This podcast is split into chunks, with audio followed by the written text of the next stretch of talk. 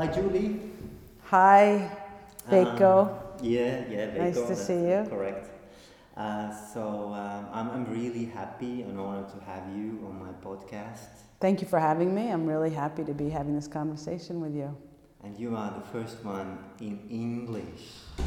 Oh, that's good. So I hope my English is good enough. It's an American English, which isn't, which is just one kind of English, but um, No, I hope it's, great. understandable for your audience. I'm excited. I'm excited.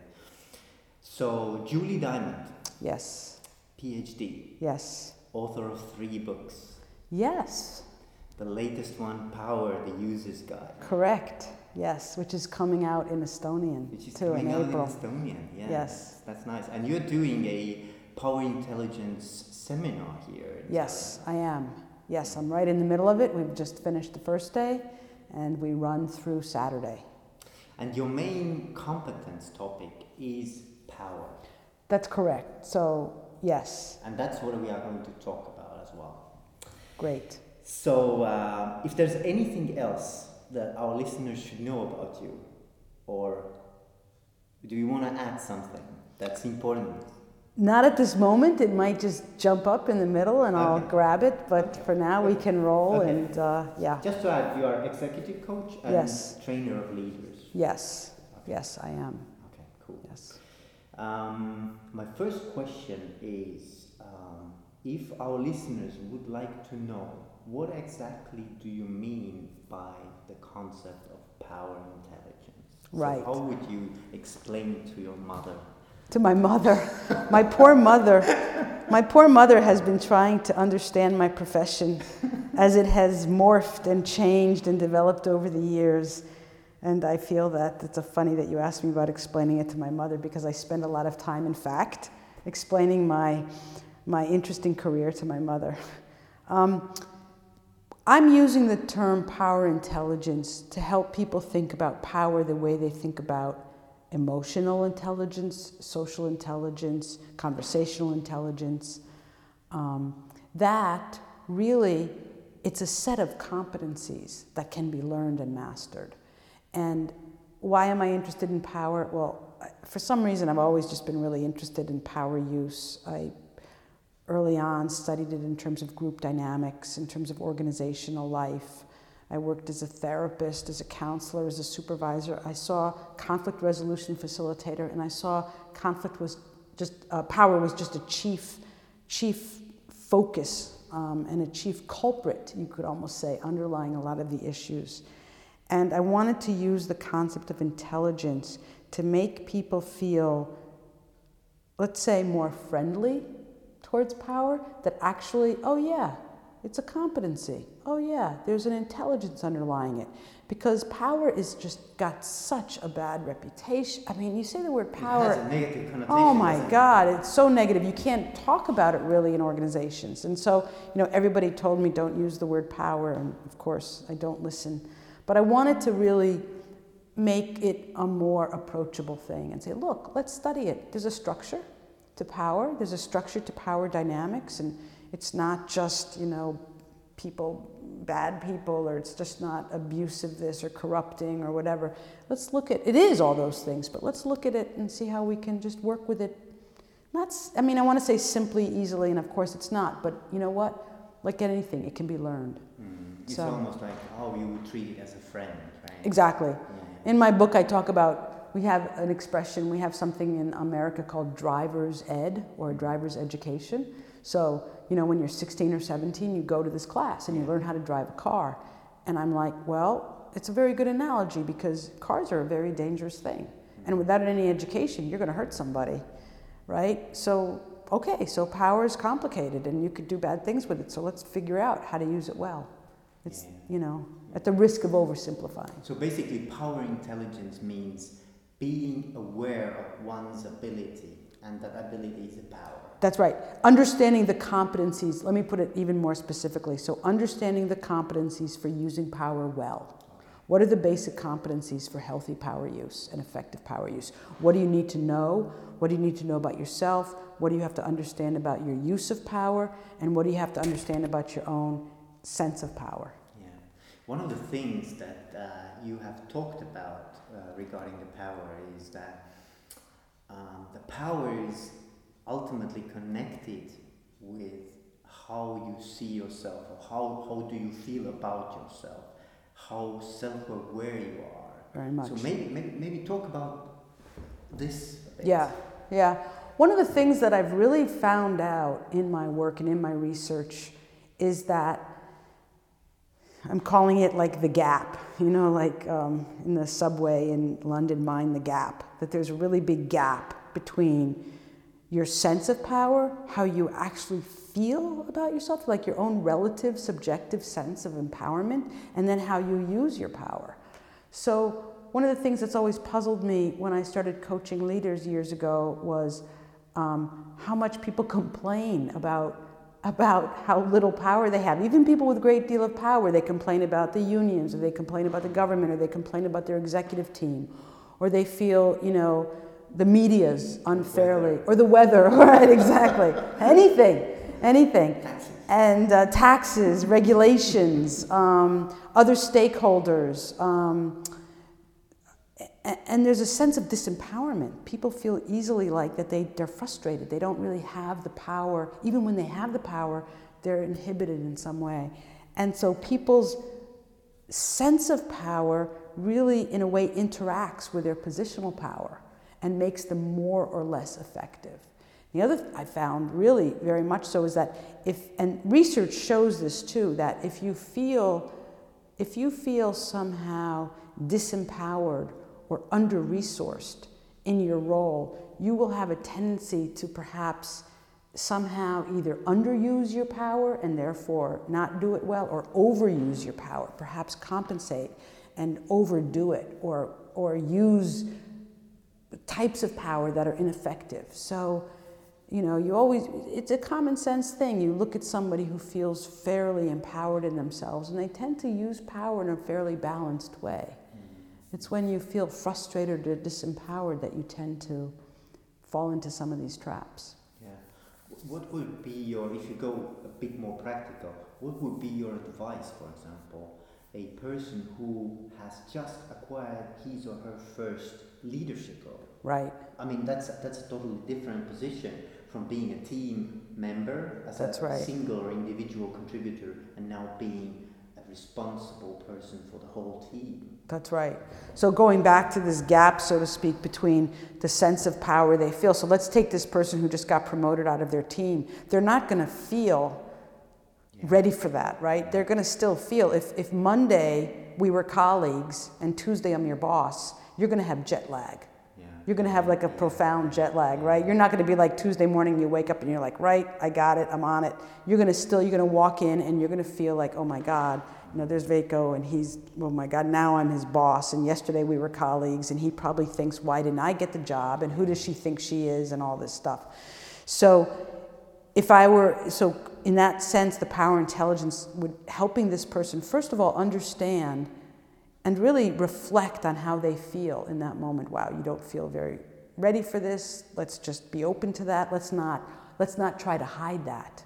Don't start acting in a way to hide your sense of insecurity. Be really straight about it with yourself. And maybe even, you know, don't start, you know, people overdo it. They act with authority before they've earned it because they're trying to be up to the task. So I would say to this person, it's going to take a while. Don't act you know, beyond where you are right now. The second thing I would say is step outside yourself and look at yourself from the outside in.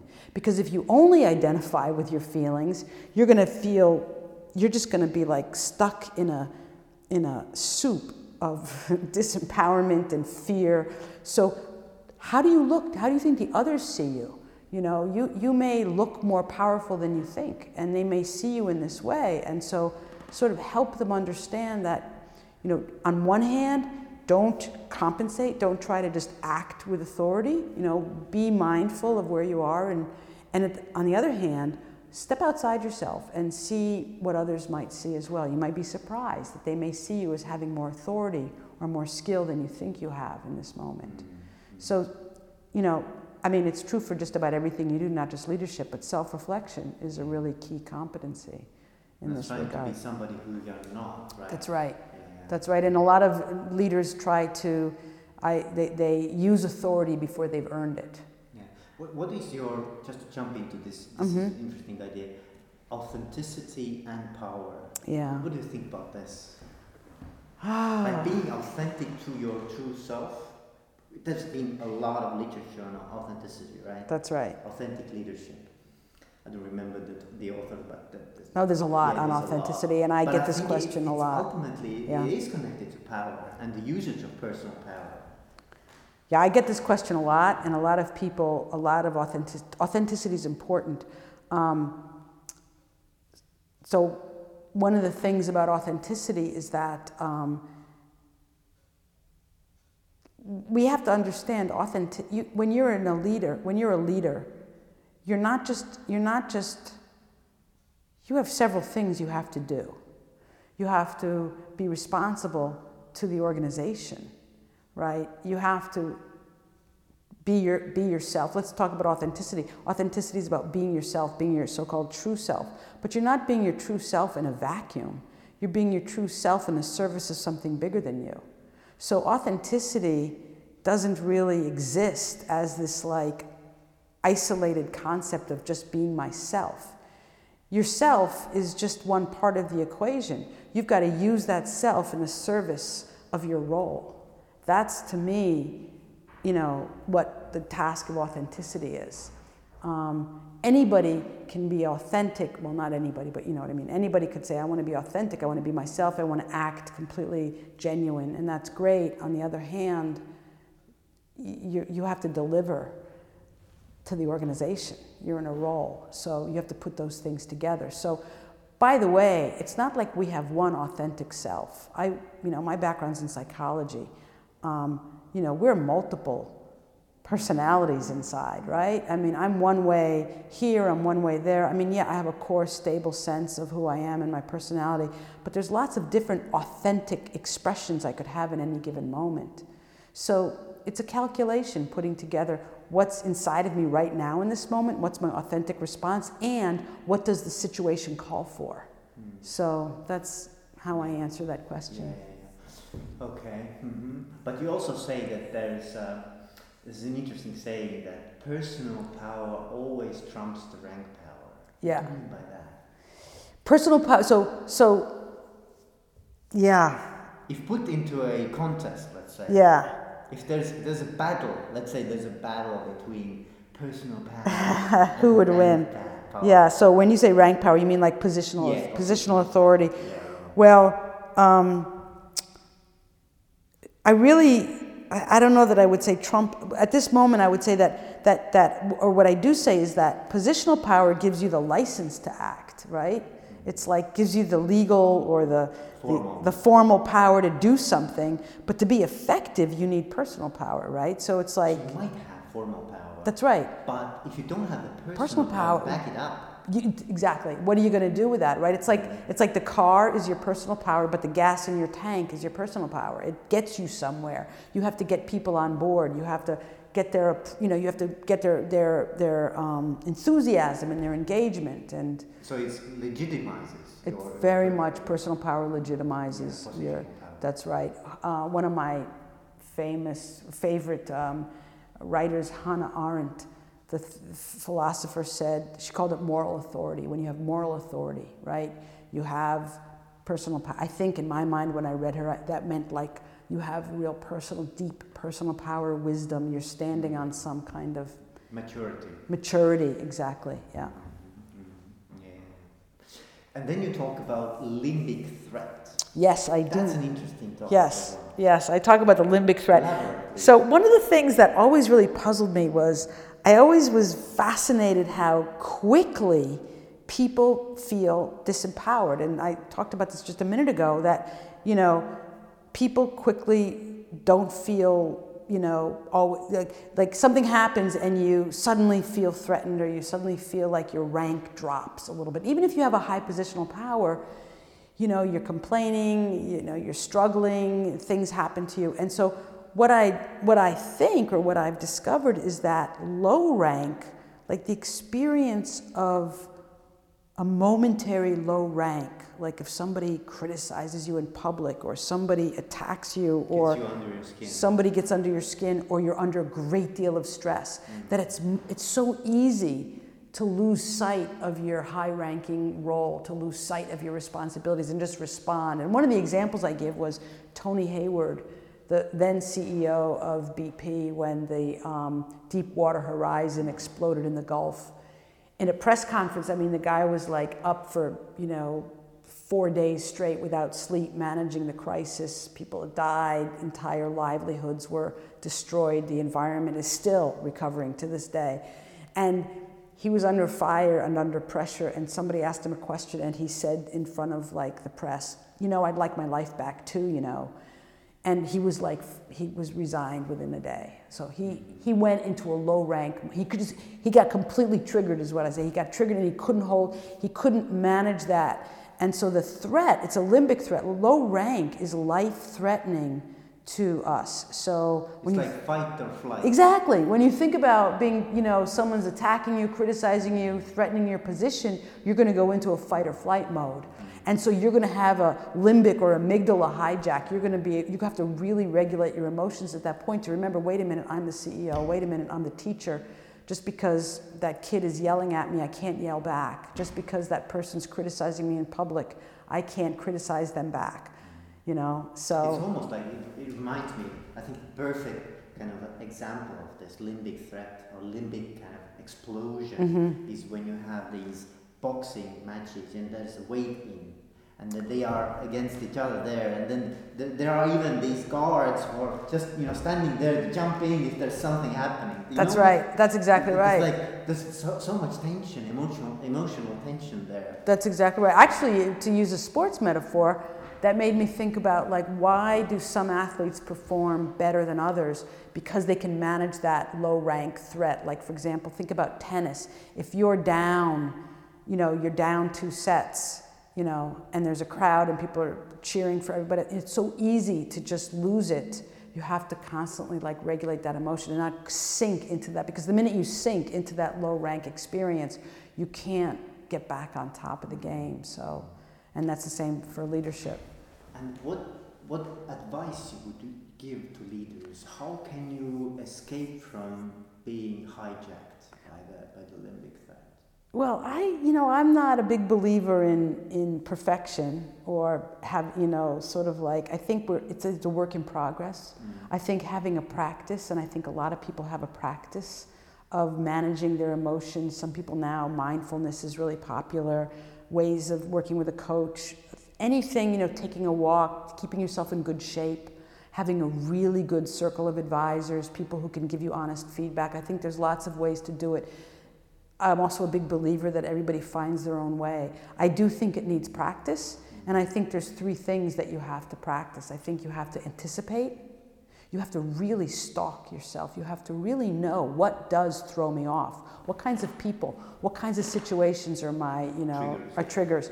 The second thing you have to do is you have to have a lot of management strategies. Do you breathe, count to 10, take a walk, whatever it is you do, just practice that. And then you need recovery because you're going to always get knocked out and you need ways to get back on the horse, to get back in the game, to just sort of process what happened, learn from it, and try again. We're always going to fail. I don't think we're going to be perfect at it. So being a good learner is really important. Yeah.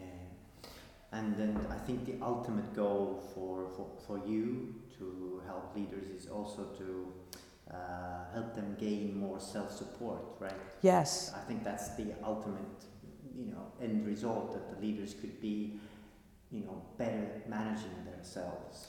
And others too. So others. leaders have just such a huge impact on the lives of so many people, right? It's one of the things that's very satisfying supporting leaders is that they just have such a huge impact and an ability to really make big differences and changes in the world.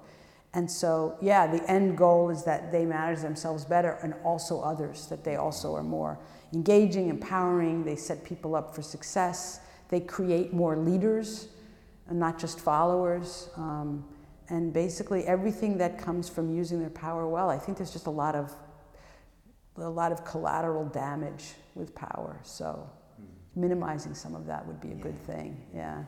Is there anything, Julie, that I haven't asked, but you would like to emphasize for our listeners? I would like to talk about my latest project now that I have the opportunity Yeah. and I have the microphone, Yeah. which is that um, over the last four years I've studied, I've researched this, and I've also been working with a team of industrial organizational psychologists who design tests and measurements, and that we've created a, um, a 360 leadership assessment that looks specifically at the use of power. And it's very exciting because there's nothing really out there that does that. So it's not a performance measurement, it's not even about general leadership competencies, it really looks at power. And right now we see a lot of industries are struggling enormously with power misuse and power not being used well. There's just an explosion of, you know, sexual harassment and I mean that's at the very far end, but there's also other ways that power is really troubling organizations. Preferentialism or discrimination, bullying is problematic, and just low levels of engagement. So this 360 really looks at well how well does the leader use their power in the service of their role and there's also a self-assessment component which is your own sense of self empowerment so your own personal power you so the leader rates herself or himself on how well they use their power how, how empowered they feel and others rate that leader on how well they use their power so what you get is you get a really interesting picture of where am I using my power well? Where's my opportunities for development? And then how does that interact with my own sense of power, my own, my own sense of empowerment? So we just launched that this year and starting to roll that out and use it in different organizations and it's really quite exciting. I think it's it's extremely developmental and that's really my goal. The um, the reports that come out of it really give people a lot to work with with their own development. And this is something that can be also related to the book, right? Uh, yes. So, for example, the book and the instrument aren't connected in the sense that the book doesn't speak about the instrument and the instrument doesn't really reference the book. But the book gives you a lot of background information about power. So, it really, if you are going to use the instrument, it gives you a great deal, like a great doorway in. Yeah. Great. Thank you very Thank much. Thank you. Yeah, Appreciate it. So I wish you a lot of success. Thank you very much. It's a pleasure to be here, and thanks for the opportunity to talk about power. Thanks. Thank you.